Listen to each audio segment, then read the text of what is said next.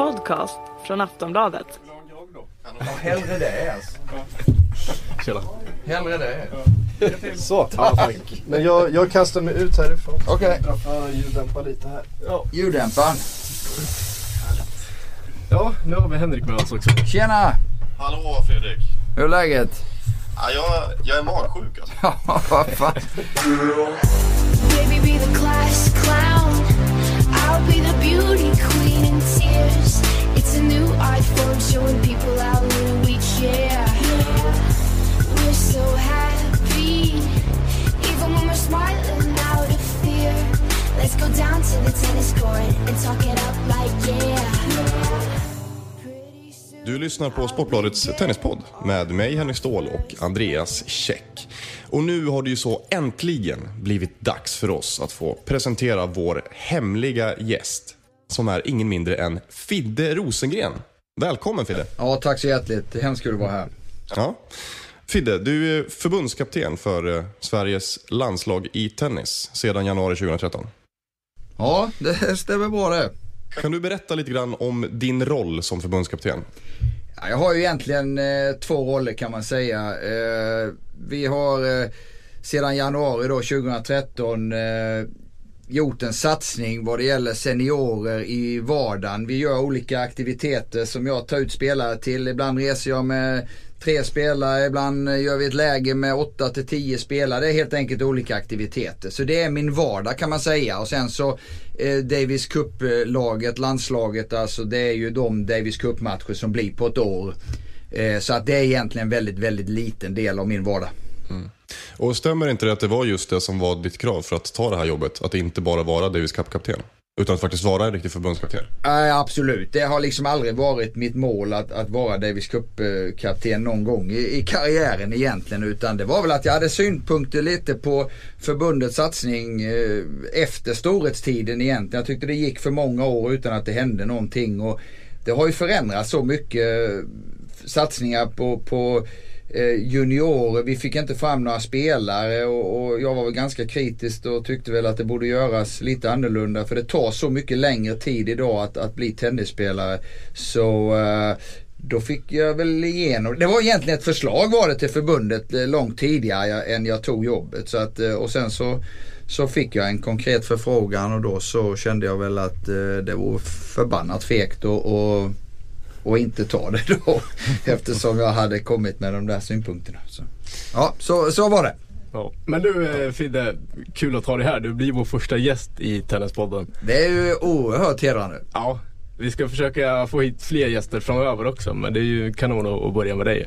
Tack. Eh, men du har ju också varit tränare, individuell tränare innan du tog det här jobbet. Har du lust att berätta vilka du har samarbetat med genom åren? Det är väl 20 års tid eller något sånt? Ja, jag har varit, varit på touren eh, i 20 år med en hel del spelare. Framförallt de svenska spelarna. Då började, min första resa var 1988 med Janne Gunnarsson. Den skedde till, till USA, Key Biscayne.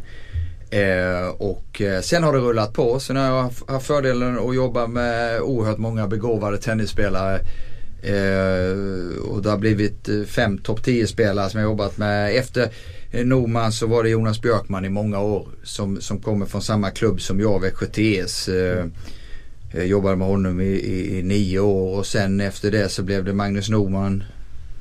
Eh, sen var jag på, eh, var, gick jag, var lite otrogen faktiskt. Var i Finland med, med Jarkko Nieminen där Ja, ett tag. Ja. Eh, Pim Pim Johansson, Mario Ansic och sen avslutade jag några månader med, med Robin Söderling. Men då hade jag faktiskt lagt av eh, eh, tidigare. Jag, jag, m- 2008 var mitt sista år egentligen som jag kände att eh, nu får det vara nog. Jag har hållit på och rest i 20 år. Eh, 230-240 dagar om året. Eh, och ensamheten blev egentligen den som, som knäckte, eller knäckte ska jag inte säga, men som fick en till att tänka att eh, jag ska försöka hitta på något annat. Alltså.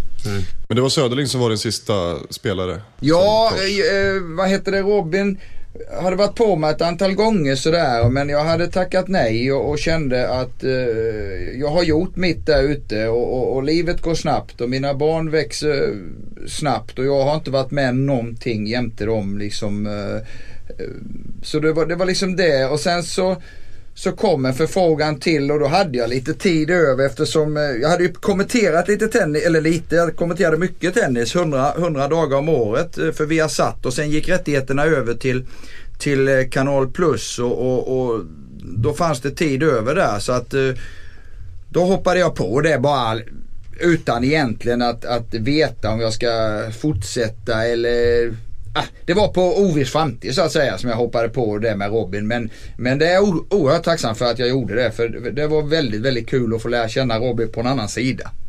Mm. Men du, hur skulle du beskriva dig själv som tränare då? Ja, alltså väldigt engagerad, hängiven det jag gör. Eh,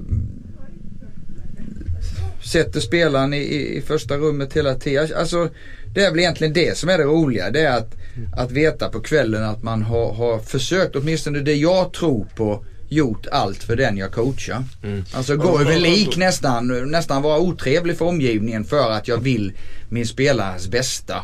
Eh, det har jag nog fått höra många gånger. Mm. Men om man, om man pratar på ett lite mer tekniskt plan.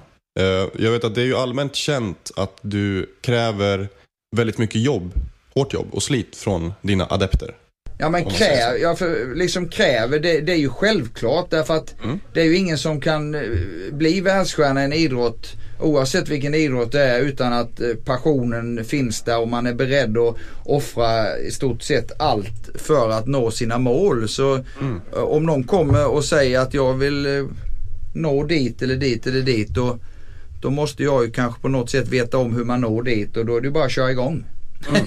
Men om man, om man tar som exempel då Mario Ancic och eh, Robin Söderling. Mm. Hur skilde sig din roll som tränare åt? Eh, om vi ser till dessa två spelare. Ja, nu jobbade jag inte så länge med Robin. Och, och, och, Robin, eh, när jag började med honom var ju en oerhört komplett spelare redan. Alltså det, det var ju inte, alltså, där, där var ju allt på plats i stort sett. Så att eh, tekniskt eller spelmässigt eh, gjorde vi inte så mycket. Det var väl kanske möjligen att jag tyckte han var lite sen i, i backhand och kunde dra tillbaka lite tidigare och lite så här va. Men, men spelmässigt väldigt få. Utan det, det, är så, det är så mycket runt omkring som, som eh, är viktigt när man jobbar med en världsstjärna. Mm. Uh, och Mario var ju en väldigt trygg person uh, i sig. Uh, oerhört annorlunda från de flesta jag har tränat faktiskt. Så att med akademisk utbildning och väldigt trygg, oerhörd självkänsla. Uh, ja, som jag kanske mer då la mer, ner mer jobb på hans tennisbit än vad jag kanske gjorde på en sån som, som definitivt en sån som Robin. Mm. På, på vilket sätt då? Nej men som jag sa, alltså där, där fanns mer att göra spelmässigt. Både tekniskt och, och positioner i banan. Eh, Mariansic låg väl 30 någonting när vi började och blev sjua i världen när han när han fick sin eh, köttefeber. Så att eh, det var ju mycket, mycket mer jobb på det viset. Men vi jobbade ju också tre och ett halvt år. Liksom Robin har jag ju bara jobbat med några, några tävlingar. Så jag tycker inte det är egentligen något bra exempel att ta fram Robin här eh, egentligen utan kanske mer då Magnus Norman, Jonas Björkman. Mm. De jag jobbat med väldigt länge. Jag jobbade eh, fem år med, med Magnus Norman och han låg väl ungefär 60 när vi började och blev världstvåa. Där finns ju mycket att prata om vad, man, vad vi gjorde tillsammans för att nå det målet liksom. Mm. Har, du no har du något exempel från då Magnus Norman och Björkman?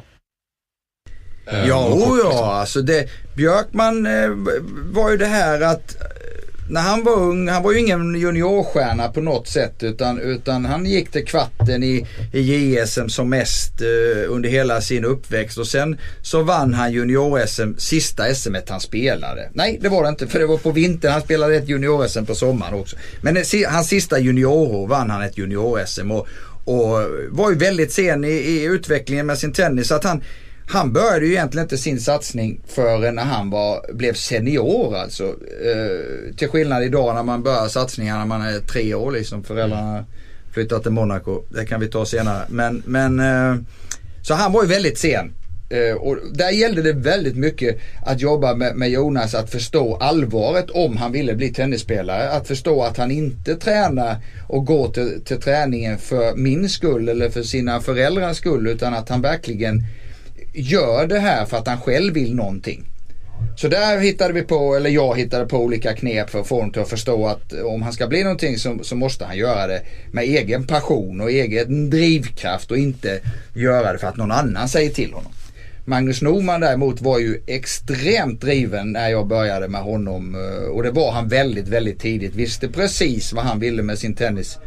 Så att eh, olika men ändå har alla de här genomgående haft en sak och det har varit liksom envisheten, noggrannheten att, att bli bäst och väldigt höga mål med sin tennis. Och eh, aldrig nöjda, vilket kan kanske ibland vara oerhört jobbigt. Naturligtvis. Samtidigt så tar det ju dem dit de har kommit också när de inte är nöjda. Va? Men, men det kan också vara rätt tufft att leva med det att du aldrig slår dig själv på axeln och, och, och säger att du är bra på någonting. Men den eh, grupp som du jobbat med i eh, landslaget sen du tog över. Eh, vad, vad har du sett för utveckling i dem över de här åren? Är du nöjd med din egen prestation att driver dem framåt så att säga? Både, alltså, både och. Det var en helt ny situation. För det första ska jag jobba med, med flera stycken som ett lag. För det andra jobbar jag med spelare som, som har kommit till åren och inte uh, varit egentligen bra spelare. Som inte lärt sig att vinna. Inte, så att en helt ny situation. Och jag, jag mötte en grupp som, som uh, det var väldigt lätt att förstå egentligen varför de inte hade kommit längre. Okay, Både på sättet, ja, många, olika, många olika bitar. Alltså mm. hur de jobbade, deras mentala status, deras självkänsla. Alltså jag hade en, mötte en grupp som, som eh, var extremt frustrerade. Okay. Att de låg där de låg, eller ligger där de ligger ska jag väl säga. För det har inte hänt rankingmässigt sådär oerhört mycket. Vad, vad jag har hoppats på och vad jag har slitit för de här ett och ett halvt åren jag har hållit på. Det är ju att informera dem av det som jag har sett ute i, i världen i omklädningsrummen hur, hur de spelar. Jag har följt genom åren eh, och deras kollegor hur de tränar, hur de gör. Mm. Eh, både i vardagen och innan match och efter match och allt det jag har lärt mig. Det var nog min uppgift av förbundet när de anställde mig att försöka informera så många svenska spelare som möjligt att så här jobbar man. Om man vill vara eller bli en eh, yrkesspelare i tennis så måste man jobba på det här viset. Mm. Så det tycker jag har varit min uppgift och det har jag fått några spelare till att göra, åka med. Eh, sen finns det fortfarande väldigt många grejer eh, som är ruta ett och eh, det, det, kan vara bra en viss period och sen så efter ett halvår så är det tillbaka ruta ett igen. Alltså den här extrema eh, frustrationen som finns naturligtvis om du är 25 år och tjänar absolut inga pengar utan det är minus varje vecka. Och du vill så gärna. Va? Och jag försöker, jag försöker ingjuta liksom det här att grabbar, bara ni gör jobbet, bara ni kan se i spegeln att ni har kämpat och, och, och gjort det bästa varje dag så kan ni vara stolta med er själva. Men det kanske inte är så jävla lätt när man inte vinner några tennismatcher eller, eller rör sig på rankingen i den takt man vill röra sig. Så att, eh, det, det, det, är naturligtvis uh, grymt tufft för dem alltså. Men är de lätta att jobba med så? Vissa av dem. Ja. Vissa av dem är, tar till sig oerhört mycket och, och det är ju mitt sätt att mäta ibland framgång då. Eh, även om det inte syns så mycket på rankingen efter ett och ett halvt år på någon spelare så kan jag se att den spelaren som kanske har rört sig minst är den som har utvecklats mest som yrkesman. Mm. I början helt chockad över hur mycket vi tränade eller att man måste göra så innan match och göra så efter match och att man måste träna. Alltså allt det här, de var ju helt chockade. Det var ju, var ju liksom väldigt omtumlande för många av dem så att eh, eh, där kan jag känna en viss, inte stolthet, men mer det här att det, det, är kul att se att någon vid 22 års ålder ändå, ah det är så här man måste göra. Mm. Hur pass individuell eh, träning kör du med? Man kan ju tänka sig att det är nog ganska många olika, olika individer och olika typer av spelare som kanske behöver lite olika eh, input. Abs absolut, så är det ju. Och det är därför det är så svårt också att göra snabba framsteg. Därför att vi är ju rätt många och de måste ta ett extremt stort ansvar i sin egen träning. Det, det är på gott och ont. Va? Men vi för ju både samtal, jag pratar med de här spelarna eh, varje dag eh, om vad de måste förändra och vad de måste jobba på och sen kan jag inte vara på tre banor samtidigt utan de måste ta ett stort ansvar och sen får man stämma av och, och hela tiden prata och jag ser ju också mycket matcher de spelar och ser att äh, det där har väl inte blivit så mycket bättre utan vi får köra på en månad till på det och det. Men självklart har ju alla olika needs. Eh, en sak är säker, de, de, flesta av dem har en bra högsta nivå. De kan spela tennis, det är inget snack om saker. Men för få tror på sig själva. De har för dåligt självförtroende och eh, de känner sig inte riktigt som en, en, ett, en professionell tennisspelare. Eh, det märker jag. Eh, de är väldigt sköra. Det räcker att peta lite på dem eller, eller det kommer en eller två motgångar så kan matchen vara körd. Eh, Pratar det, vi generellt om gruppen nu? Eller ja, det, och det är nog därför de är där de är. va. Att eh, de är inte så tuffa egentligen. Och, och, och det, det, ju, det, krävs ju egentligen att vara det. Så vi, vi pratar ju oerhört mycket om, om uh, sättet att, uh, att vara på banan när man går in och utför en match, eller genomför en match med, med kroppsspråk och, och ja, väldigt, väldigt mycket samtal egentligen. Vilka tycker du har utvecklats mest under din tid som förbundskapten? Alltså en spelare som, som Isak Arvidsson som var en, en uh, vintersommartorspelare som med sitt sätt och som gnällde kopiöst i början hur jobbigt det var med ett läger eller hur jobbigt det var när vi tränade och vi hade sådana samtal att eh, liksom du, då får du säga tack och hej här nu. Det är liksom ingen mening. Men han bet ihop och, och gör jobbet från morgon till kväll idag. Syns kanske inte så mycket på rankingen men det får vi ta då. Men han gör allt för att förbättra det. Och det är precis det vi kan göra. Och det är det jag kan göra i, i den här rollen. Det är att gå ut. Vi ska vara först på morgonen, vi ska vara sist hem på kvällarna och vi ska jobba så hårt vi kan för att förändra vår situation och svensk tennis situation. Det är liksom det hela alltet går ut på. Och jag har trott i min vision med det här att om jag får så många äldre svenska spelare som möjligt att jobba på det här viset så kan de yngre som redan tennismässigt är lika bra många och, eller snäppet under se att oh, wow, så här måste vi jobba. Och ändå ligger han bara 550 i världen. Så jag måste ju jobba ännu hårdare än så. Men för, att bli, för att bli bättre. Va? Så att jag, jag hoppas jag föder någon, någon positiv eh, rullning av det här. Men, men tanken, vi, grundtanken är att få de äldre spelare att jobba på ett visst sätt mentalt och inställningsmässigt och sen att de yngre förmågorna ska anamma det ja, i sin utveckling. Absolut, ja. lära av varandra. Jag tror det många gånger biter ju i omklädningsrummet mycket, mycket mer när en, när en, en kollega, en vuxen spel, eller en spelare säger till en annan spelare. Att de uppfostrar varandra lite. Både vad det gäller det mentala och även spelmässigt. Så att, det tror jag är en väldigt viktig del och det är det som är det fina med att åka i en grupp. Mm. Att, att vi stöder och hjälper varandra. Men sen är det ju en individuell sport såklart. Precis, är tanken då att eh, Marcus Eriksson och Isak Arvidsson ska ligga någonstans 200-300 och vara liksom inspiratörer för Elias Ymer och Windahl på sikt? Eller för Eriksson och Arvidsson måste väl också ha målsättningar att komma in topp 100 för att själva kunna försörja sig? På Absolut, så det är precis det de har. Eh, självklart. Eh, de vill ju bli rankade och, och, och vinna så mycket tennismatcher som möjligt. Så de, det är ju därför de ligger ute varje vecka och, och, och tävlar och tränar. Mm. För att de har, har höga mål. Så att det är självklart de har det. Och jag vill ju liksom som jag sa innan, att få de yngre till att hänga på det här och att vi kan träna och resa tillsammans kanske i viss mån.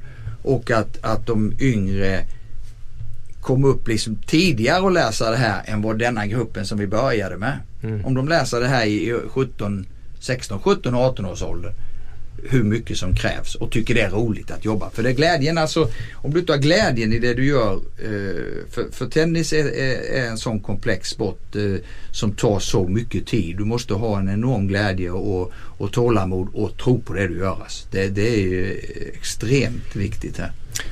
Det här är förstås individuellt men hur länge kan du ligga runt 300-400 på rankingen och innan det måste ta fart? Liksom? Kan du ligga där i, i tre år eller måste man Ja det kan. Det finns ju de här spelarna, många av dem de har ju legat 5, 6, 700 i, i, i, flera, flera år och, och hoppas väl någonstans eh, eh, att det ska hända någonting. Och, och det är ju det som är gör mitt jobb rätt så, så tufft. Samtidigt som det, jag, jag måste ju vara så ärlig jag bara kan vad det gäller de här spelarna när jag pratar med dem. eh, Om du ser i någon spelare att du kommer inte ha kapacitet att komma in topp 100. Det är dumt för dig att satsa i tre år till på tennisen och sen kommer det inte hända så mycket. Skulle du säga det rakt ut till den personen? Ja, det, de samtalen för man ju. Ja. Framförallt när det, när det är Nej, alltså tennismässigt så ser jag ju ibland att det finns en högre kapacitet. Men det finns så mycket annat runt omkring. En frustration, ett sätt att tävla som gör att man kan se efter flera, eh, ja efter ett, ett år att det är på ruta ett igen. Va? Och då, då är det ju frågan om det i 25-26 års åldern någon gång kommer falla på plats. Eh, och då för jag definitivt de samtalen med de här eh, killarna att eh, jag tycker du ska tänka dig för och, och eh, det är kanske bättre att du studerar istället. Eller?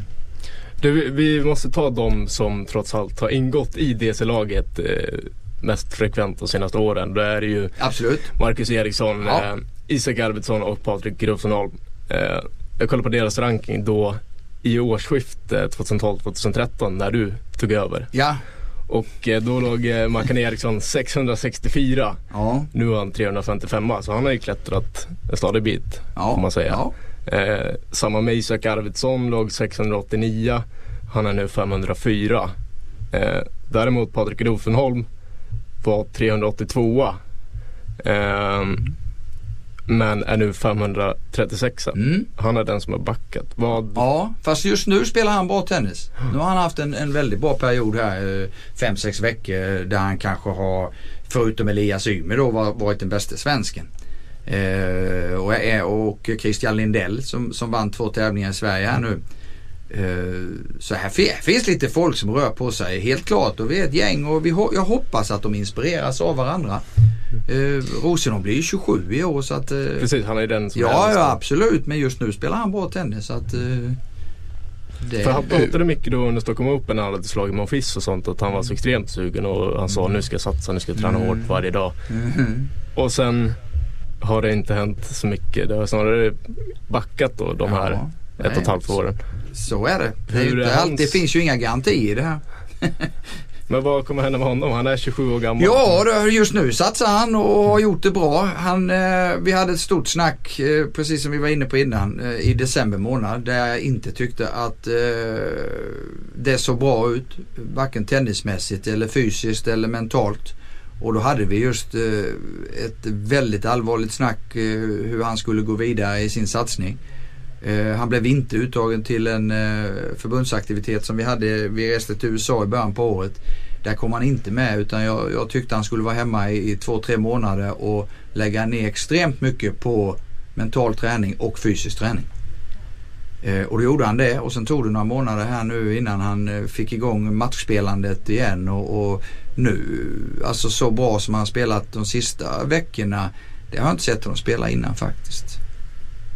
Och sen kan man inte ta, det är li, li, lite för enkelt att ta en, en vinst mot Monfils som någon, någon, någon värdemätare. Du har ingen aning hur mycket Monfils hade lust att, alltså det är livsfarligt att, tro att man är världsstjärna för man har vunnit en sån match. Ja precis, det trodde inte jag heller när han hade slagit Monfils. Monfils var lite Ut- Utan det finns lite, och- man, och sånt, måste, men- man måste bevisa lite mer innan eh, faktiskt innan man, man eh, Precis, men jag minns bara att han pratade Ah. väldigt positivt om sig själv just i samband med den Absolut, turneringen. och så. såklart. Ja. Och, och det är så många som, Mm. som kommer och slår en i ryggen efter en sån vinst. Och, och, och han blir ju inte bättre över eh, liksom 500 platser bättre över en natt för att han vinner en sån tennismatch. Mm. Utan det är så otroligt mycket annat som behövs för att på daglig basis slå Monfils. Mm. det är liksom det det handlar om lite. Hur, mycket, hur mycket kontakt har du med de yngre spelarna som Ymer, som du själv nämner som, som en av de absolut bästa svenska spelare just nu? Ja, han, är, han vann ju mot eh, Rosenholm och Lindell i Båstad så eh, just för dagen kanske han är den bästa spelaren men vi är några stycken där. Jag har kontakt med dem hela tiden eh, i och med att Elias har ju spelat Davis Cup och som sagt eh, är kanske nummer ett i Sverige tennismässigt. Eh, det är det att han reser med han jobbar på Good to Great så han jobbar, reser med tränare därifrån. Har valt den biten att, att mer resa själv med, med en tränare. Och, och... Hur ser ert samarbete ut? Alltså, hur ser, vad, Nej, min, uppgift för- är, min uppgift är att hålla kontakten, titta när, när jag har möjlighet att se Elias spela och sen ta ut honom till landslag.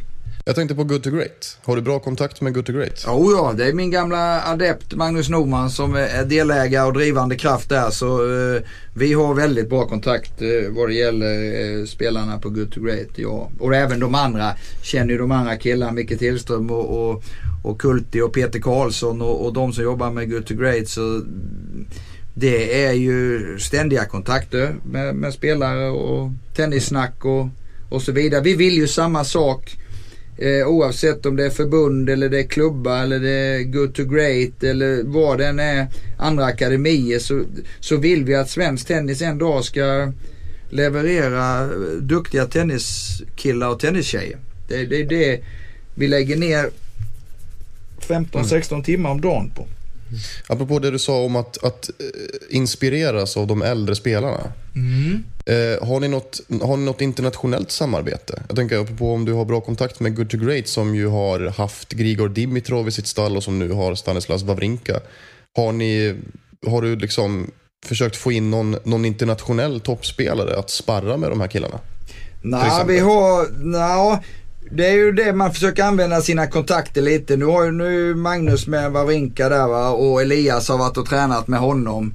Vilket är naturligtvis otroligt bra. Och sen får vi, vi passa på lite när vi har våra svenska tävlingar som Båstad och Stockholm Open. Att jag försöker få in så mycket som möjligt. I och med att jag känner många av spelarna och deras tränare så försöker jag ju givetvis att få Isak och, och Marcus och Rosenholm och de här att försöka få träna med de bästa spelarna. Det är då vi får passa på lite. Vår vardag är ju inte touren utan vi är ju på future-nivå. Eh, idag fick jag ett erbjudande, en duktig Challenger-spelare som ligger runt 100 som heter Joao Sosa från Brasilien är i Sverige och tränar hos Julius Dembo i Lidköping och då försöker jag få någon av de här killarna till att åka dit och träna. Så att eh, självklart Eh, eftersom situationen ser ut som den gör i svensk tennis så, eh, så måste vi försöka hjälpas åt och eh, Problemet är ju att, att vi måste, kanske finns en, två platser att träna på idag i Sverige. Liksom det, förr var ju klubbarna så starka. Alltså när Jonas Björkman växte upp och slog sig in i topp 100 och då var han femte bäst i klubben i Växjö TS. Liksom. Det var ju inte svårt att bli tennisspelare på den tiden när du hela tiden hade världsstjärnor runt omkring dig var du än var. Eh, Det är ju oerhört mycket tuffare att ha bra träning på hemmaplan idag. Men du, Jag vet inte om det var, var svaret på din fråga eh, Henrik där. Var det det? Ja, hyfsat ändå. Du, du, fick, ju, du fick ju in Sosa där. Ja, Eh, och- han, är- han är i Sverige denna veckan så det, det vore, vore konstigt om jag inte fick upp någon, någon eh, svensk spelare att åka dit och träna med honom och passa på va. Mm. Så, så eh, ja. Men jag, jag tror att alla förstår att vi aldrig kommer få tillbaka den här gyllene generationen liksom. Men jag tror också att... Fast det är ju det vi tror på. Det är det vi drömmer. Ja, men drömmar kan man göra. Nej, men jag, jag tror att väldigt många skulle vara nöjda med att ha en stadig topp 100-spelare som regelbundet spelar ATP-turneringar. Som Ja. jag har någon spelare att följa så. Eh, är det någon av Isak Arvidsson, Patrik Rosenholm, eh, eh, Mackan Eriksson som du tror kommer kunna bli det? Eller är det snarare... Oerhört svårt att säga. Väldigt, väldigt svårt. Alltså, de har hittat en vardag. De jobbar väldigt bra. De jobbar lika hårt som Magnus Norman gjorde Robin Södling gjorde. De, de jobbar lika bra. De är naturligtvis inte lika bra i tennis. Men de jobbar på det sättet. Eh, men jag skulle snarare säga att vi, vi har ett, ett koppel yngre spelare bakom där. Och Elias Ym är inte, inte 18 år än och hans lillebror Micke som är otroligt lovande. Det finns andra, eh, Daniel Appelgren, Sam Taylor, Carl Söderlund, Carl Friberg. Det finns ett koppel av svenska spelare som vill bli tennisspelare. Så att eh, självklart så, så hoppas vi och tror att eh, det en dag ska bli spelare som i vardagen spelar på ett P-torn igen. Alltså fattas bara annat. Det, vore, det, det är ju självklart att vi lever med den, eh, det hoppet varje dag. Eh, men, men vi ska veta att vi är, vi är rätt långt ifrån och det krävs extremt mycket arbete. Det tar medelåldern idag på topp 100 ligger på 27,4 eller något sånt där år. Så att det tar längre tid att bli eh, yrkesman. Alltså det är, det är fakta. Sen vad det beror på det har jag ju bara mina, mina teorier. Liksom. Ja men vad, vad är de? för, för att, går, det, går det att komma dit då, bara genom hårt arbete? Är det någonting annat som måste förändras? Behöver vi Ja, det- jag- challengers i Sverige till exempel? Nej men det är inte det. Vi måste börja i rätt ände. Alltså, Vi Mm. måste börja mycket, mycket längre tillbaka tidigare. Vi, vi må- måste sträva efter att, eh, att få en timme gympa i skolan om dagen. För, för unga i, i, i småskolan. Vi kan ju inte hoppa, kasta och, och, och, och springa idag. När, jag, liksom när man var liten, vi, vi hade ju klasslag i hockey, fotboll, alltså bara i klassen. Idag vet jag inte hur många det är i en klass som idrottar ens alltså. Ja. Så att jag, jag tror vi, vi får ju inte atlet, det blir, blir inga atleter av våra ungar i, idag som det var förr när den spontana idrotten fanns och man höll på med tio olika idrotter. Då var man ju lite, eller man, jag ska inte prata om mig själv utan de andra, de, de eh, Alltså man, det var mer allround va. Idag låser vi in uh, ungarna i fack så tidigt. Det ska spelas fotboll eller hockey eller tennis eller simma eller någonting. Och, det, och det är ju, där har ju vi som ledare ett extremt ansvar att inte ta det så allvarligt eh, för tidigt. Utan verkligen låta ungarna leka idrott. Okej. Idag tror jag att, eh, och det är, den, den, det är en stor bov idag att, att det är så extremt allvarligt eh, för tidigt. Mm. Där finns det ju Ledarledda olika träningar, uppfattningar. det ska, det ska liksom Ja. vara struktur på allt och så vidare. Och så vidare. Mats Wilander sa en fantastiskt bra grej för några år sedan. Vi var och käkade lunch i, i Växjö. Så sa han, du, du börjar inte med du börjar inte skolan för att bli Einstein, du börjar inte spela tennis för att bli proffs. Nej. Men det är lite så det har blivit idag. Jag tror inte en unge tänker på eh, Östers IF eller svenska landslaget när han börjar spela fotboll utan han tänker på Barcelona och 100 miljoner om året. Och samma sak är det med tennisföräldrar och, eller hockeyföräldrar att de ser NHL, de ser pengar. De, de ser inte att, att det ska vara roligt att idrotta. Det är hemskt att se en, en 14-årig tennisspelare som, som redan är trött på att spela och frustrerad och be, bete sig illa på banan. Alltså det, den här tröttheten som finns, att det finns så lite glädje i idrottandet för tidigt. Det tror jag beror väldigt mycket på att det är ledarlätt. Det krävs väldigt mycket. Det ska vara struktur på, på en, en, en eh, fotbollsträning oerhört tidigt, eh, tennisträning. Man får inte leka. Ja.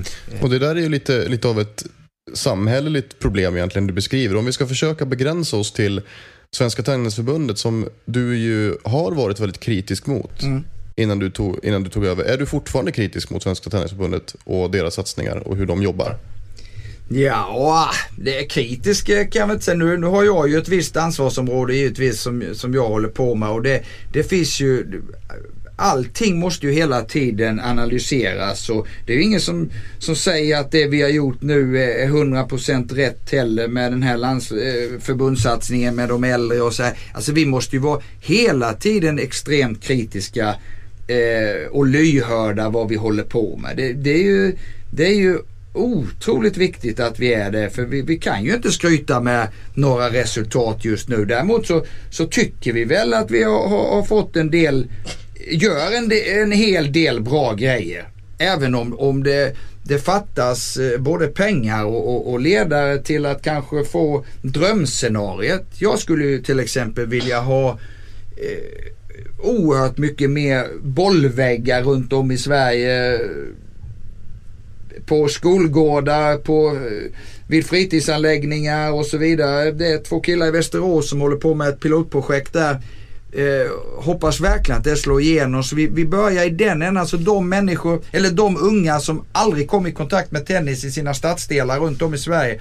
Att de får slå på en tennisboll och, och uppleva wow, det här är det roligaste jag har varit med om. Jag vill börja spela tennis.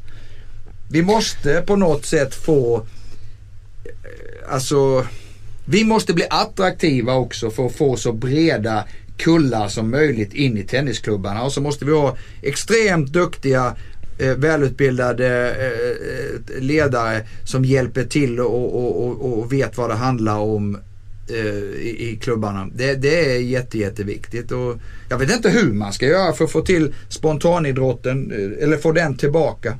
Jag vet inte. Men du, du inne och stundade över det att eh, eh, man kanske tar sikte mot Barcelona när man är 12 år och spelar fotboll. Men man borde ta sikte mot Öster till exempel. Eh, det är ju en långsök jämförelse det här men det är ju trots allt så att om du är en tennistalang i Sverige och liksom får spela lite futures i Stockholm, i Båstad och sånt. Om du är på den nivån liksom, rankad 700-800 i världen till exempel.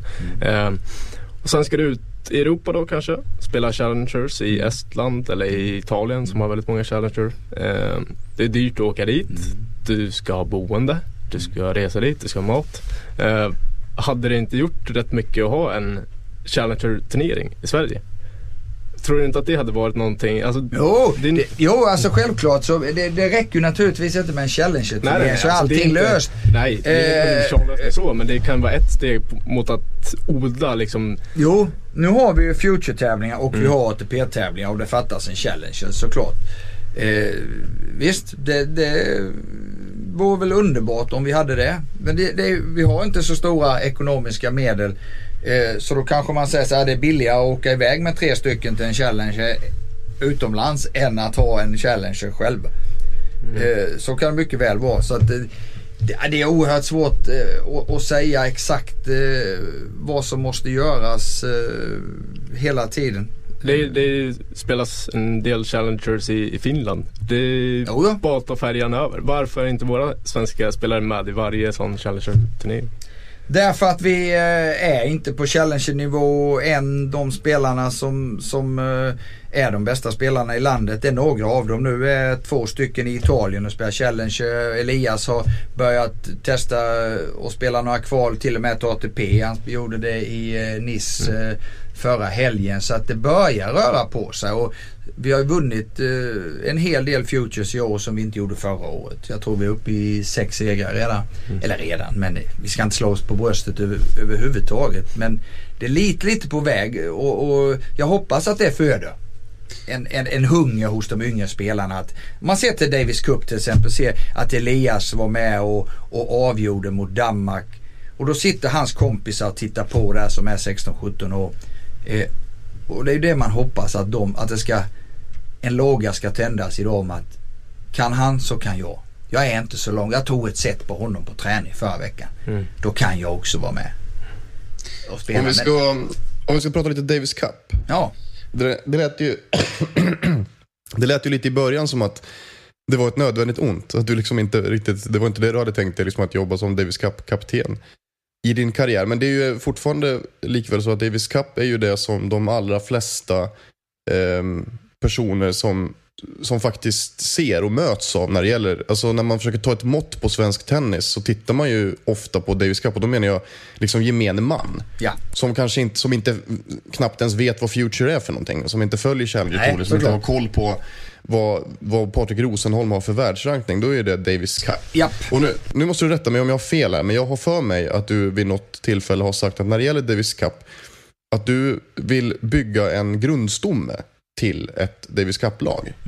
Som, och har dragit eh, någon parallell till skidlandslaget, om jag inte missminner mig. Stämmer det?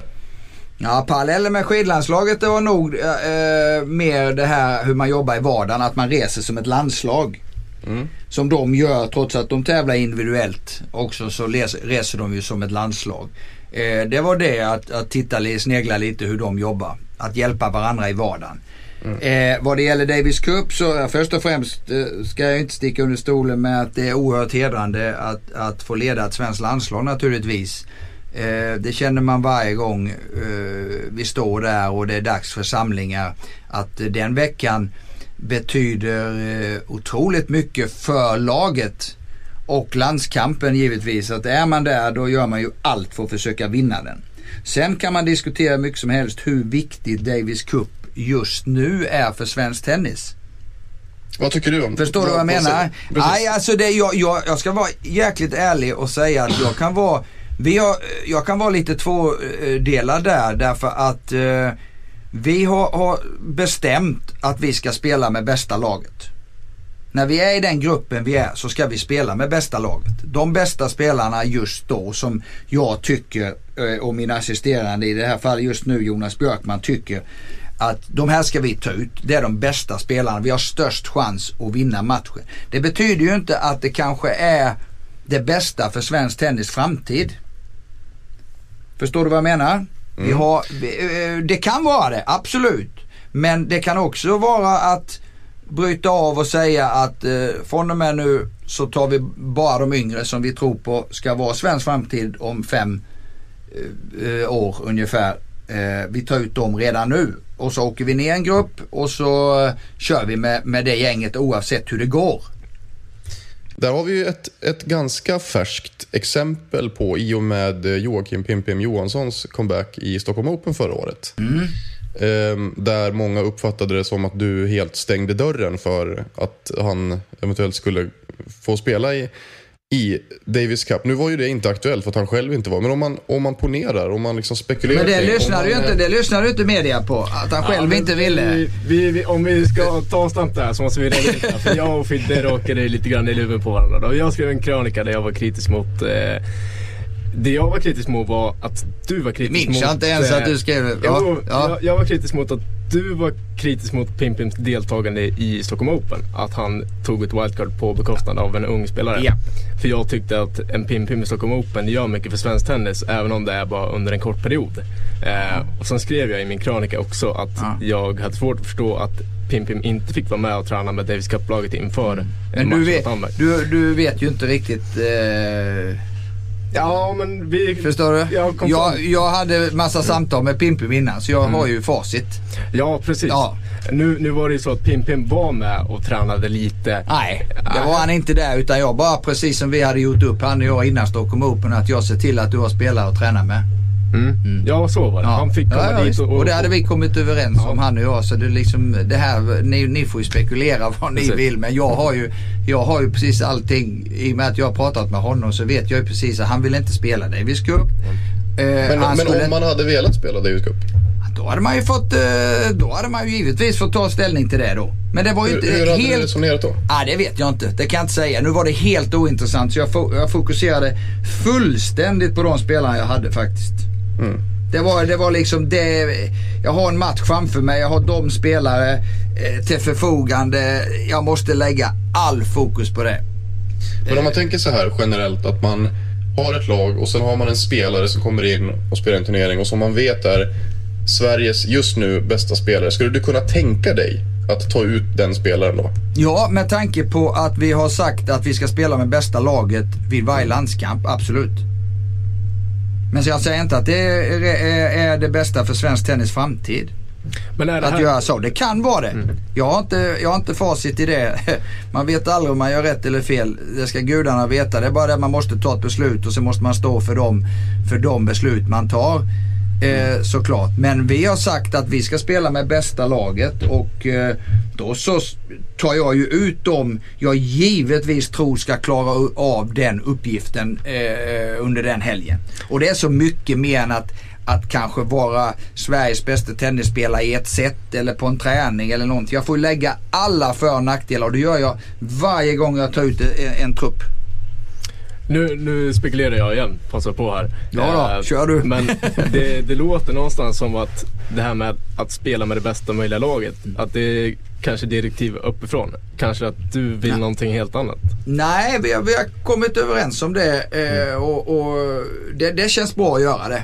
Men om du Eh, personligen hade fått Nej, i bestämma. den här, ja, personligen så ska jag säga så här att i den här där vi är nu Mm. och spelar så tycker jag absolut vi gör rätt. Okej. Skulle vi åka ur och komma ner i en annan grupp. Mm. Då ser det absolut annorlunda ut. Och då kommer jag kämpa för att få börja om. Mm. Eller kämpa, det kanske jag inte behöver då. Utan då, då tror jag också det blir, jag tror det löser sig naturligt.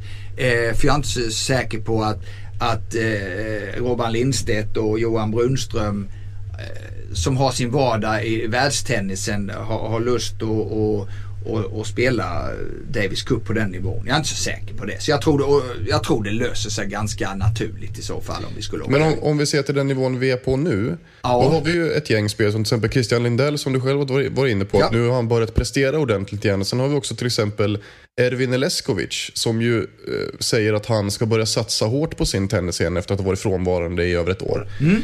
Och han har presterat väldigt, väldigt bra tennis också. Ja, det, Eh. det, stä- det stämmer inte. Jag har sett matcherna så, så det inte, håller jag inte med om riktigt. Och han skulle aldrig klara av att spela Davis Cup därför han orkar inte det. Tyvärr. Så han, han är alltså inte aktuell för... Nej, inte i, lä- inte i läget nu. Vi har, haft, vi prat, eh, har pratats vid han och jag. Utan han, han måste bevisa väldigt mycket mer eh, innan det. Framförallt så måste du ska spela två femsetsmatcher fredag, söndag minst. Eh, det krävs en hel del och, och som läget är nu så har jag faktiskt inte så många spelare som, som klarar ut det rent fysiskt. Så att eh, det, det är många, eh, det är vissa grejer jag måste lägga i, i vågskålen. Men Christian Lindell, är han aktuell för Davis Cup-laget? Han är absolut eh, aktuell för Davis Cup-laget. Eh, men han måste också förbättra sin fysik. Så det, det ska vi jobba stenhårt på. Eh, men han är aktuell. Det visar han med sina resultat. Nu måste jag passa på att fråga här, apropå just uttagningen av laget. För det är så att det finns en del aktiva spelare som är väldigt öppet kritiska mot dig. Och framförallt så menar de att du favoriserar vissa spelare, till exempel Isak Arvidsson och eh, Marcus Eriksson. Ja. Vad är din kommentar till, till ett sånt påstående? Ja det får de jätte, ja, det får de jättegärna eh, höra av sig till mig i så fall om de är kritiska till det och i så fall tala om varför. Mm. Du kanske, du- du kanske har hört varför eller? Ehm, ja, eh, Nej, du får gärna säga. absolut. Du behöver inte det säga vilka det är. Nej, men du precis. kan få gärna Nej, ska- säga vad kritiken består i. Kritiken består i att de tycker att du inte tar ut de spelare som presterar bäst för stunden utan att du alltid plockar ut Isak Arvidsson och Marcus Eriksson till exempel. Och att de till exempel har de tagit Patrik Rosenholm som ett exempel på en spelare som de anser har blivit utmobbad. Okej. Mm. Det var, var fascinerande att höra. Måste jag säga. när, när, när, när då? Alltså det här sker ganska dagligen på till exempel Twitter. Okej, att spela gamla spelare. Ja, eller aktiva spelare också. Ja, okej. Ja, nej, jag, jag kan inte, jag är ledsen men jag kan inte, jag har, sitter inne med en hel del eh, inside liksom. Jag jobbar med de här spelarna så jag, jag, när jag tar ut så tar jag ut dem jag tror ska kunna prestera eh, och, och klara ut den uppgiften som vi har framför oss. Och, och sen eh, kommer det alltid vara så att när jag tar ut ett lag så blir det en hel del som blir eh, ledsna eller förbannade. Utan jag måste, jag måste och gör, jag står för de uttagningar jag har tagit och jag skulle jag kan inte kosta på mig att favorisera någon spelare. Det finns inte en möjlighet utan jag diskuterar ju det här med mina assisterande naturligtvis och, och, och vilka vi ska ta ut och, och, eh, och sen går vi därifrån och sen får vi stå för det och, och det, självklart så kommer man alltid ha kritik eh, mot sig när man tar ut ett, ett lag. Va? Det, det var likadant nu senast mot Ukraina. Då var det, var det några som tyckte att Elias skulle vara med och, och, och jag tyckte inte det. För att då, om man tittar på resultaten eh, fram dit så, så var det ganska solklart i mina ögon. Nu blev ju det lite, lite turbulens där i och med att en spelare insjuknade. Ja Och- absolut, absolut. Så med facit i hand, hur...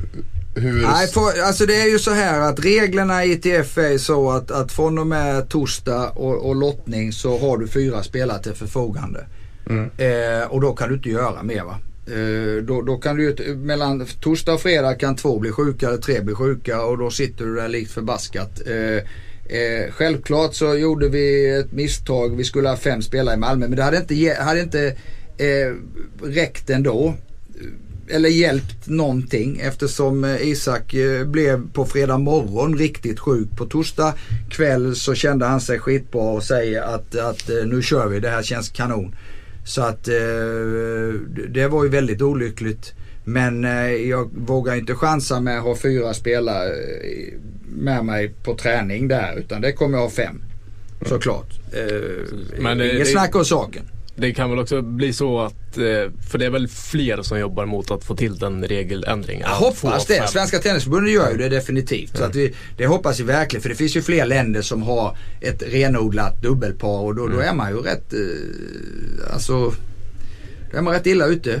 Om det händer någonting. Liksom. Så, så det hoppas jag verkligen och, och framförallt att kunna ha med, jag skulle vilja ha med sex spelare om det gick och, och om sista dagen om det är över liksom man kan spela in yngre spelare som får lite rutin och, och, och får spela DC-match även om det inte gäller någonting så det, det skulle jag verkligen eh, välkomna, det måste jag säga.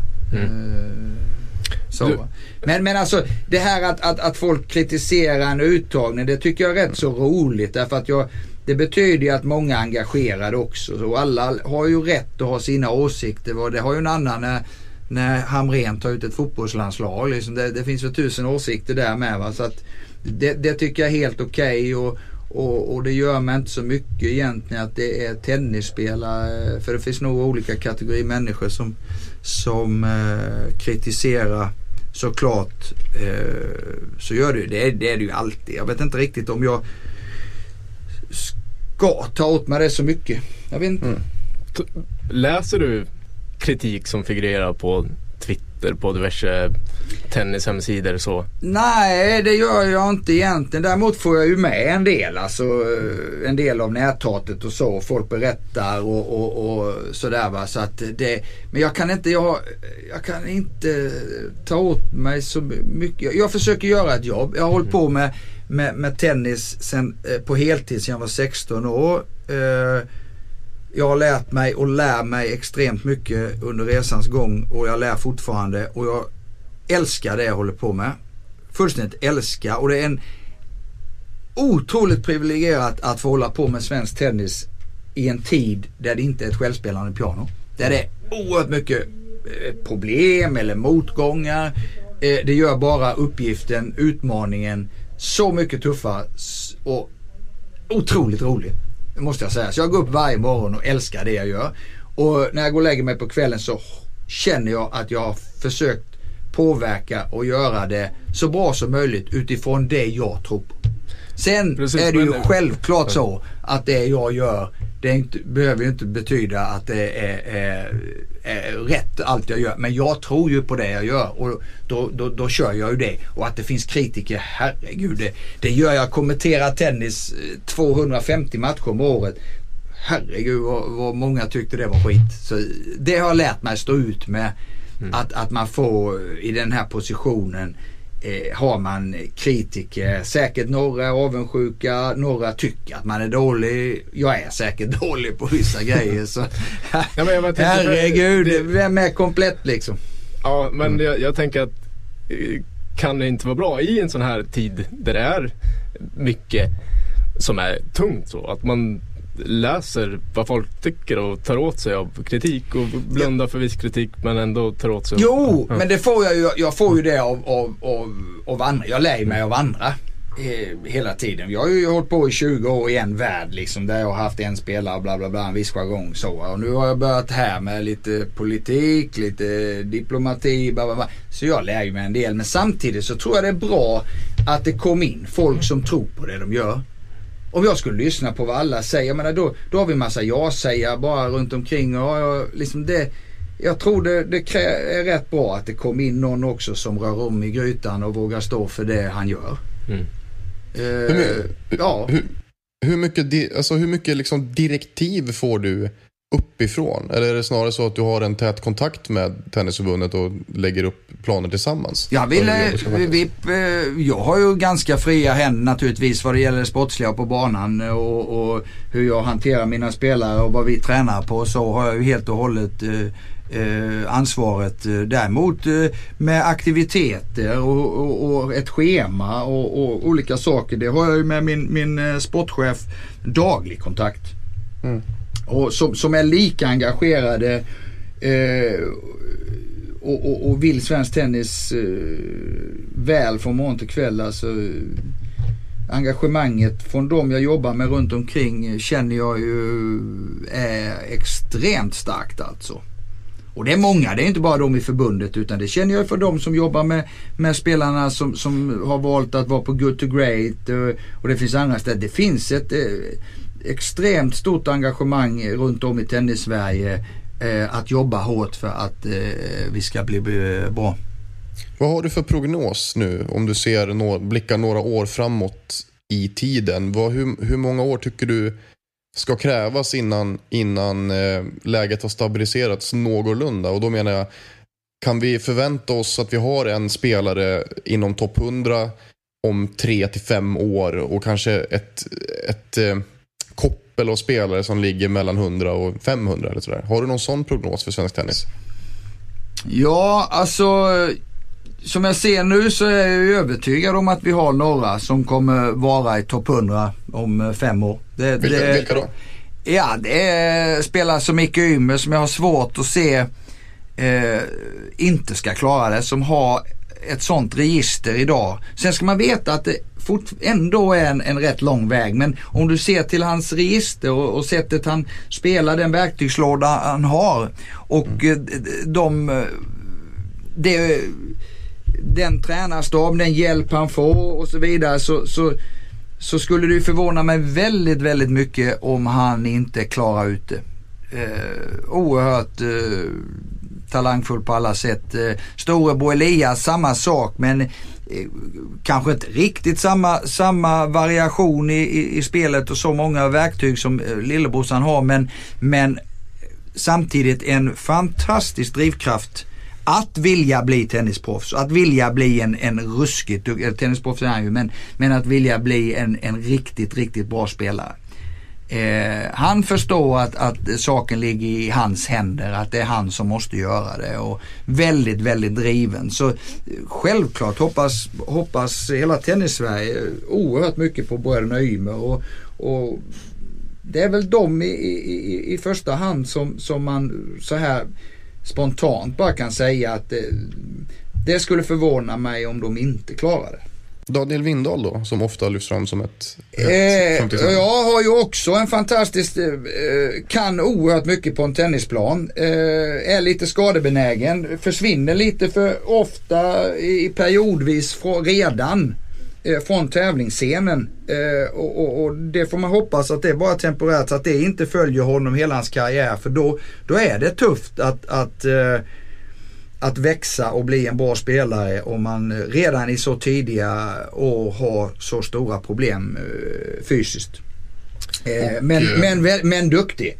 Eh, vi har Appelgren som just nu är rankad som den bästa, Daniel Appelgren som är rankad som bästa junior eh, av alla i Sverige eh, är ju en, en, en, mycket fysisk spelare. Alltså rör sig väldigt bra, stark i benen, eh, bollsnål. Kanske saknar de där stora vapnen men eh, kompenserar det med oerhört snabba fötter. Eh, det är en spelare som man hoppas ska kunna fortsätta sin positiva utveckling. Och sen finns det yngre. Mm. Men, men, bara så jag förstod det här rätt nu. Eh, Menar du att vi inom typ 3 till 5 år ska ha ett par spelare inom topp 100? Ja. Är det vad du Ja, det, alltså, tror? Nej, jag, alltså om fem år tycker jag att vi definitivt skulle kunna ha två spelare i topp 100. Ja. Det tycker jag.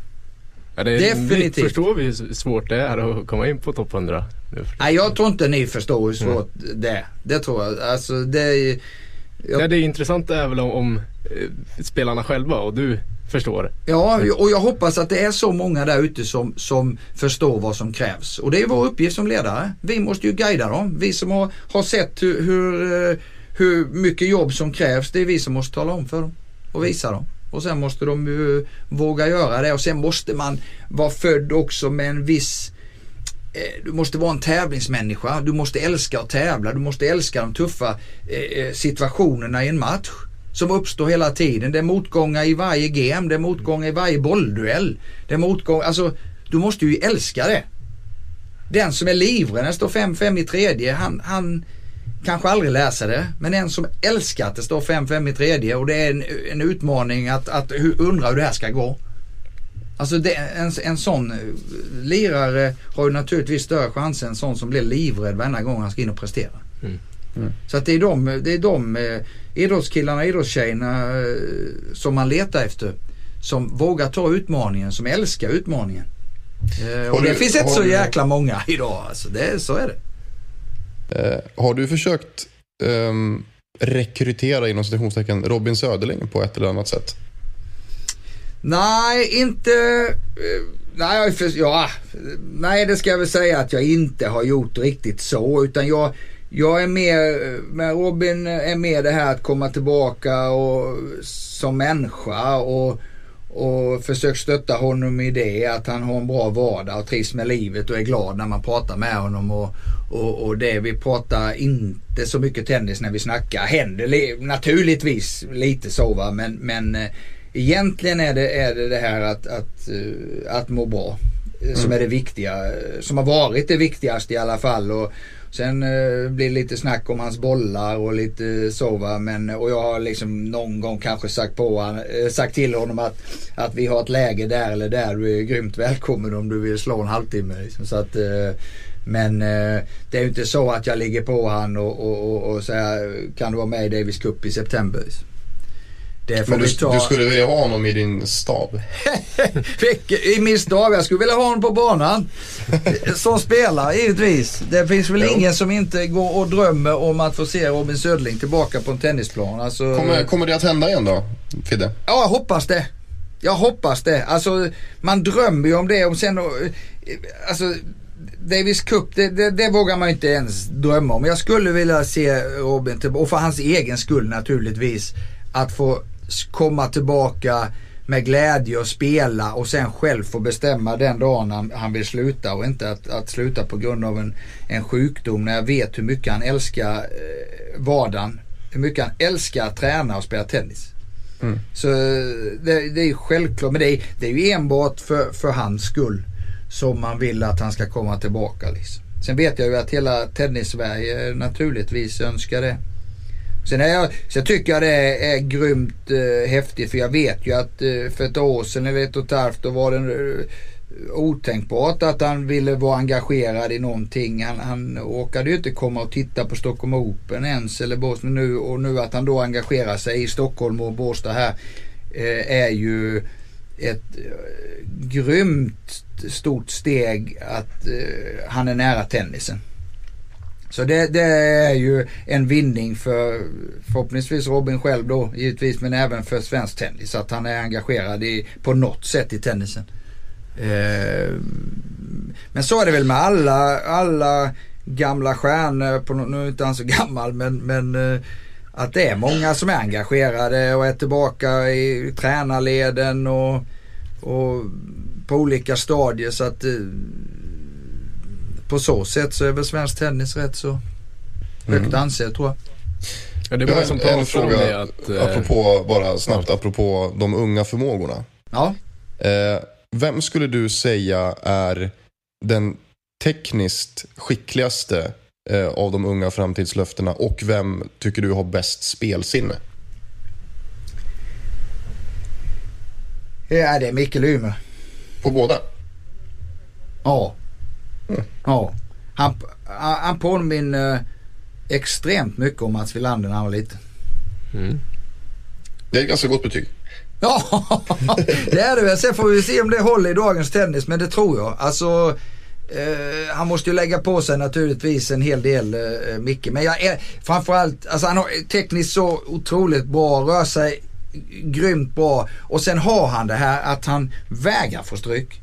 Står det Sätter då 3-0 till den andra som nu senast i Båstad och han går till sin tränare Peter Karlsson i regnavbrott och säger jag ska ta det här. Och han gör det också va. Eh, inte hänger med huvudet och, och lägger ner liksom som många gör. Flyr och inte vågar ta förlusterna utan han, han eh, sliter och, och hans storebror är precis likadan. Va? De, där, där har de ett enormt driv att försöka hitta ett sätt att vinna en tennismatch och inte sådär Eh, oerhört fixerade vid att forehand eller backhand måste kännas så bra utan just det här att, att hellre, hellre vinna, hellre spela rätt eh, än att vinna. Än att spela bra. Hellre rätt än att spela bra och, och liksom gör, lägga ner hela sin själ på att- vinna matchen. Jag älskar deras attityd ute på banan alltså. Mm. Det du var inne på nyss, eh, det är många som säger det att eh, före detta aktiva spelare verkligen engagerar sig i svensk tennis nu och att det är det som gör att det ändå finns en, en ljus prognos. Eh, finns det några som du tycker inte har liksom engagerat sig eller som du önskar skulle anta en roll här eller där för att liksom skjuta på det här ytterligare? Ja, alltså för det första så besitter ju så oerhört många av de här tennisspelarna som har varit så bra. De, de sitter ju på en, en eh, extrem erfarenhet naturligtvis av, av att vara en tennisstjärna. Eh, de kan vilken dag som helst sätta sin flygplan och åka iväg och börja träna en världsstjärna. Det krävs naturligtvis lite, lite andra eh, egenskaper kanske att, att börja träna en 14-åring, en, en 15-åring i en klubb och, och börja. Men vad man skulle vilja önska med många av de här killarna som ändå som ändå eh, är tränare nu då ute på tour. Det är ju för sin egen skull också. För att eh, bredda sitt tränarregister. Men det skulle vara så intressant att se om de tog det här grisjobbet. Om, men men jag kan förstå dem. De har, har, eh, de har pengar. De kan välja lite vilka veckor de vill jobba och så vidare och så vidare. Men det skulle vara intressant att se svensk tennis utveckling om alla de här killarna verkligen reste med en, en junior eller några stycken juniorer 40 veckor på ett år Mm. och slet från morgon till kväll och tog det där extremt hårda jobbet med våra yngre juniorer. Hur långt eh, det skulle räcka. Hur, hur bra vi skulle bli då. Har de ett ansvar eller? Nej, absolut inte. Det tycker jag inte att de har. Jag tycker de ger tillbaka eh, och har gjort eh, med all, allt det de har gett svensk tennis genom att vinna så mycket. Det har de be- betalt tillbaka hundra gånger upphöjt till tre tycker jag. Så det, det, det kan ingen komma och kräva att de, de ska göra det. Jag bara säger att det vore intressant att se. Jag sa jag fick en fråga eh, när, när, när Stefan Edberg började träna eh, Federer här liksom. Det hade varit intressant att se Stefan Edberg ta sig an någon som ligger nummer 70 Mm. och är 19 år på världsrankingen och se vad det hade kunnat bära. På 30 veckors basis liksom. Mm. Att Jag bestämma sig, fråga. jag ska bli tennistränare. Jag, jag ska se om jag kan hjälpa den här killen att bli så bra. Mm. Och det hade vi ju helst velat ha i svensk tennis. I så Jag har en sista fråga innan vi måste eh, avsluta det här. Ja. Eh, och det är vilka, vilka namn tror du har störst potential att bli framtidens världsstjärnor på ATP-touren? Då menar jag alltså alla spelare. Kei Nishikori, Milos Raonic och de här.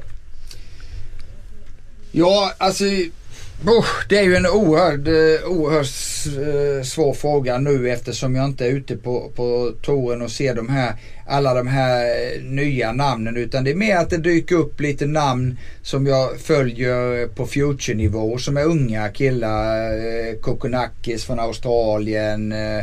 Eh, som jag såg i höstas alltså, och som har gjort en rätt så bra resa här. Eh, var i kvalfinal i Paris. Eh, kvala in ibland, eh, spela eh, eh Challenger redan och, och så. Har gjort en bra resa. Eh, är att jag följer några sådana men, men som sagt eh, eh, om man ska se till, till världsspelare som är unga redan så är det ju sådana som, som du nämner där. Nishikori och nu blir jag lite stressad här för jag kommer inte på, jag är 54 år vet du så jag kommer inte på så många. Men typ Dimitrov, Ja men det, tack, tack för hjälpen Erik. Bra. Jo men det, det är ju döhäftigt att, att det kommer upp lite och jag hoppas att de, för det är så otroligt stor skillnad att ligga 20-25 och ligga topp 5.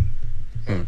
Enormt stor skillnad är det och jag hoppas att de vågar ta den, ta det jobbet att verkligen utmana de bästa spelarna i vardagen. Inte en match utan gång på gång på gång på gång. Eh, därför kan man bli besviken på sådana här som Bernard Tomic och, och sådana som man ser eh, har en enorm talang och, och en, otroliga möjligheter och som kanske slarvar bort det på grund av att han är, är, eh, eh, är för lat och för divig och nöjer sig med, med de miljoner han har på banken. Eh, Gulbis var på väg käpprakt åt helsike men, men eh, har kommit på rätt spår eh, igen och hoppas han kan vara med och utmana att han vill ännu mer. För det är ju en process det där. Vi kommer ihåg när, när eh, Djokovic vann sin första Grand Slam. Då slog han inte Federer och Nadal varje vecka. Utan efter den eh, Grand Slamen tog det två år egentligen innan han verkligen började kunna tävla varje dag med de bästa spelarna. Så att det är, det är en process. Du ska klara ut det en gång och sen ska du kunna hantera att du har gjort det. Och sen ska du bli så bra så att du kan in och göra det igen och igen och igen och igen och ha fokus på det varje dag istället för allt. För när du har gjort en sån seger då händer det så otroligt mycket runt omkring så det går inte att jämföra en topp 5-spelares vardag med någon som ligger 12 i världen. Därför att det är så otroligt mycket mer runt omkring som, som distraherar och det alla vill ha dig hela tiden från morgon till kväll. Jag har själv varit med om den, den eh, resan med spelare där det helt plötsligt har blivit eh, absoluta världsklass och, och, och den tid som gick åt till att vila mellan träningspassen den går åt till att eh, fara på intervjuer eller göra det eller det eller det. Va? För det blir så otroligt mycket grejer. Eh, och då ska du lära dig hantera den vardagen. Så att det är en, det är en process eh, att, att gå från eh, topp 20 i världen till eh, att bli eh, topp 5, topp 4 liksom. Så att, eh, men jag hoppas att de spelarna, för det vore roligt om, om Dimitrov, eh, Nishikori, eh, han följer jag eh, extremt mycket. Jag gillar den stilen. Nu har han hjälp av Michael Chang här eh, och, och har haft en fantastisk utveckling sedan de började jobba ihop. Eh, skulle vara kul att se honom vinna Paris faktiskt. Mm. Mm. Andreas, hade du någonting? Nej men bara apropå alla de här svenska spelarna, icke-svenska spelare, eh, no pun intended så, men det är, Franska öppna pågår ju nu? Eh, och det råder en oenighet kring vem som egentligen är favorit, Nadal eller Djokovic, så jag undrar vad du tycker? Ja, alltså det, man, man ser till finalen i Rom förra veckan och att, att eh, Djokovic har slagit Nadal fyra gånger i rad nu. Eh, men det som talar för Nadal det är ju att det är längre matcher, att det är fem set eh, på något sätt. Så att det är klart att båda de är favoriter. Sen hoppas jag ju på, på att eh, Magnus Normans adept eh, Wawrinka ska vilja vara med och, och, och, och slåss om det här igen. Eh, han vann ju senast i Australien och att han eh, eh så att vad som gör Paris så intressant den här gången det är väl att eh, varken Nadal eller Djokovic har varit så dominerande. Utan här verkligen eh, seglat upp en hel del spelare som kan vara med och slåss. Mm. Men sen så när det, när det drar ihop sig så är det, väl, är det väl de två som står där eh, på söndag om två veckor. Det antagligen. Men det vore kul att se någon annan. Och, och som sagt, Wawrinka har visat att han kan vara med. Eh, Nishikori har visat att han kan vara med. Eh, Bördish och de här tror jag inte riktigt så på alltså. För Nej. de ska slå för många bra spelare för att gå hela vägen. Och det, det blir en för tuff och lång resa tror jag. Men det är bara spekulationer. Jag har Mm. inte facit Ja. En, Ja, på det heller. en, en sista fråga innan vi avrundar. Mm. Eh. Murray står utan tränare fortfarande. Ja. Det har surrats lite om eh, Björkman som eh, ju är med i Cup-lagen. Nu, nu kommer poddredaktör Patrik Syk här in och stressar på lite. Vi, vi ska passa på att avrunda. En Ja. minut till tar vi. Ja. Eh, Adam Murray står utan tränare. Det har Ja. surrats om eh, Björkman. Eh, han sa till mig häromdagen att han inte har hört något sedan dess. Eh, vad, vad tror du? Nej, det så har han sagt till mig med att han inte har hört något. Så vad som förvånar mig lite idag eh, mot förr i tiden att, att eh, sånt där kom aldrig ut. Vilka som var på, på någon lista hos en spelare och sådär. För hur roligt det är att ligga åtta på den listan och komma Ja det är sju som har sagt nej och nu är det du liksom. Skulle du tacka ja om du fick frågan? Nej. Skulle jag Inte? Nej, det skulle jag inte göra. Det vill jobba en svensk tennis. Ja just nu känns det eh, oerhört roligt och, och visst det är väl ingen som tror man när man sitter och säger nej. Men jag, jag känner att jag är att jag är färdig med eh, det livet där ute. Även om det är väldigt mycket resande igen och sådär så, så, så känns det jag håller på med eh, som en större utmaning går inte få i, i, i tennisen just nu än att försöka hitta vägar att komma tillbaka eh, i, i svensk tennis alltså. Eh, så att det, det är en otrolig utmaning. Eh, som som är, är fantastiskt rolig att få vara med om. Även om det är, är, är hårt och tufft och, och, och, mycket skit naturligtvis som ni var inne på här innan. När man inte får ta ut vem man vill i det slaget. Men det tillhör ju jobbet och det är ju, gör det ju rätt intressant faktiskt. Ja. Så jag tackar nej till Murray då. Ja. Men jag skulle glädjas oerhört mycket om Jonas fick jobbet. Ja. Det skulle ju vara, vara jättehäftigt naturligtvis. De orden får sätta punkt för det här fantastiskt intressanta avsnittet av Tennispodden.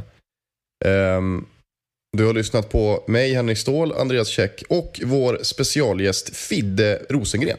Tack ska ni ha grabbar. Ja, tack, så mycket, tack så mycket för att du ville komma. Absolut. Om du vill höra av dig till oss med feedback eller förslag på ämnen att ta upp i den här podden så kan du göra det antingen via mail och då är det fornamn.efternamn.aftonbladet.se eller på Twitter och då förs- förslagsvis under hashtaggen Tennispodden. Ansvarig utgivare är Jan Helin. Hej då! Hej då.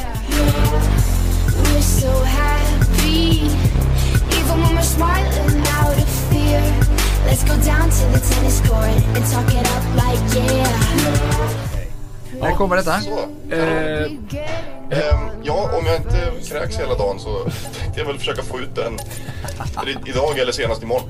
Okej. ja, härligt. Du är psyken och stressar på här så vi måste Ja. nog... Jag kan, jag kan ringa dig sen på telefon. Ja men gör det. Kan vi prata Du får lite. höras av helt enkelt. Tack så jättemycket Fidde för att du ställde upp. Det var fantastiskt. Absolut Henrik, absolut.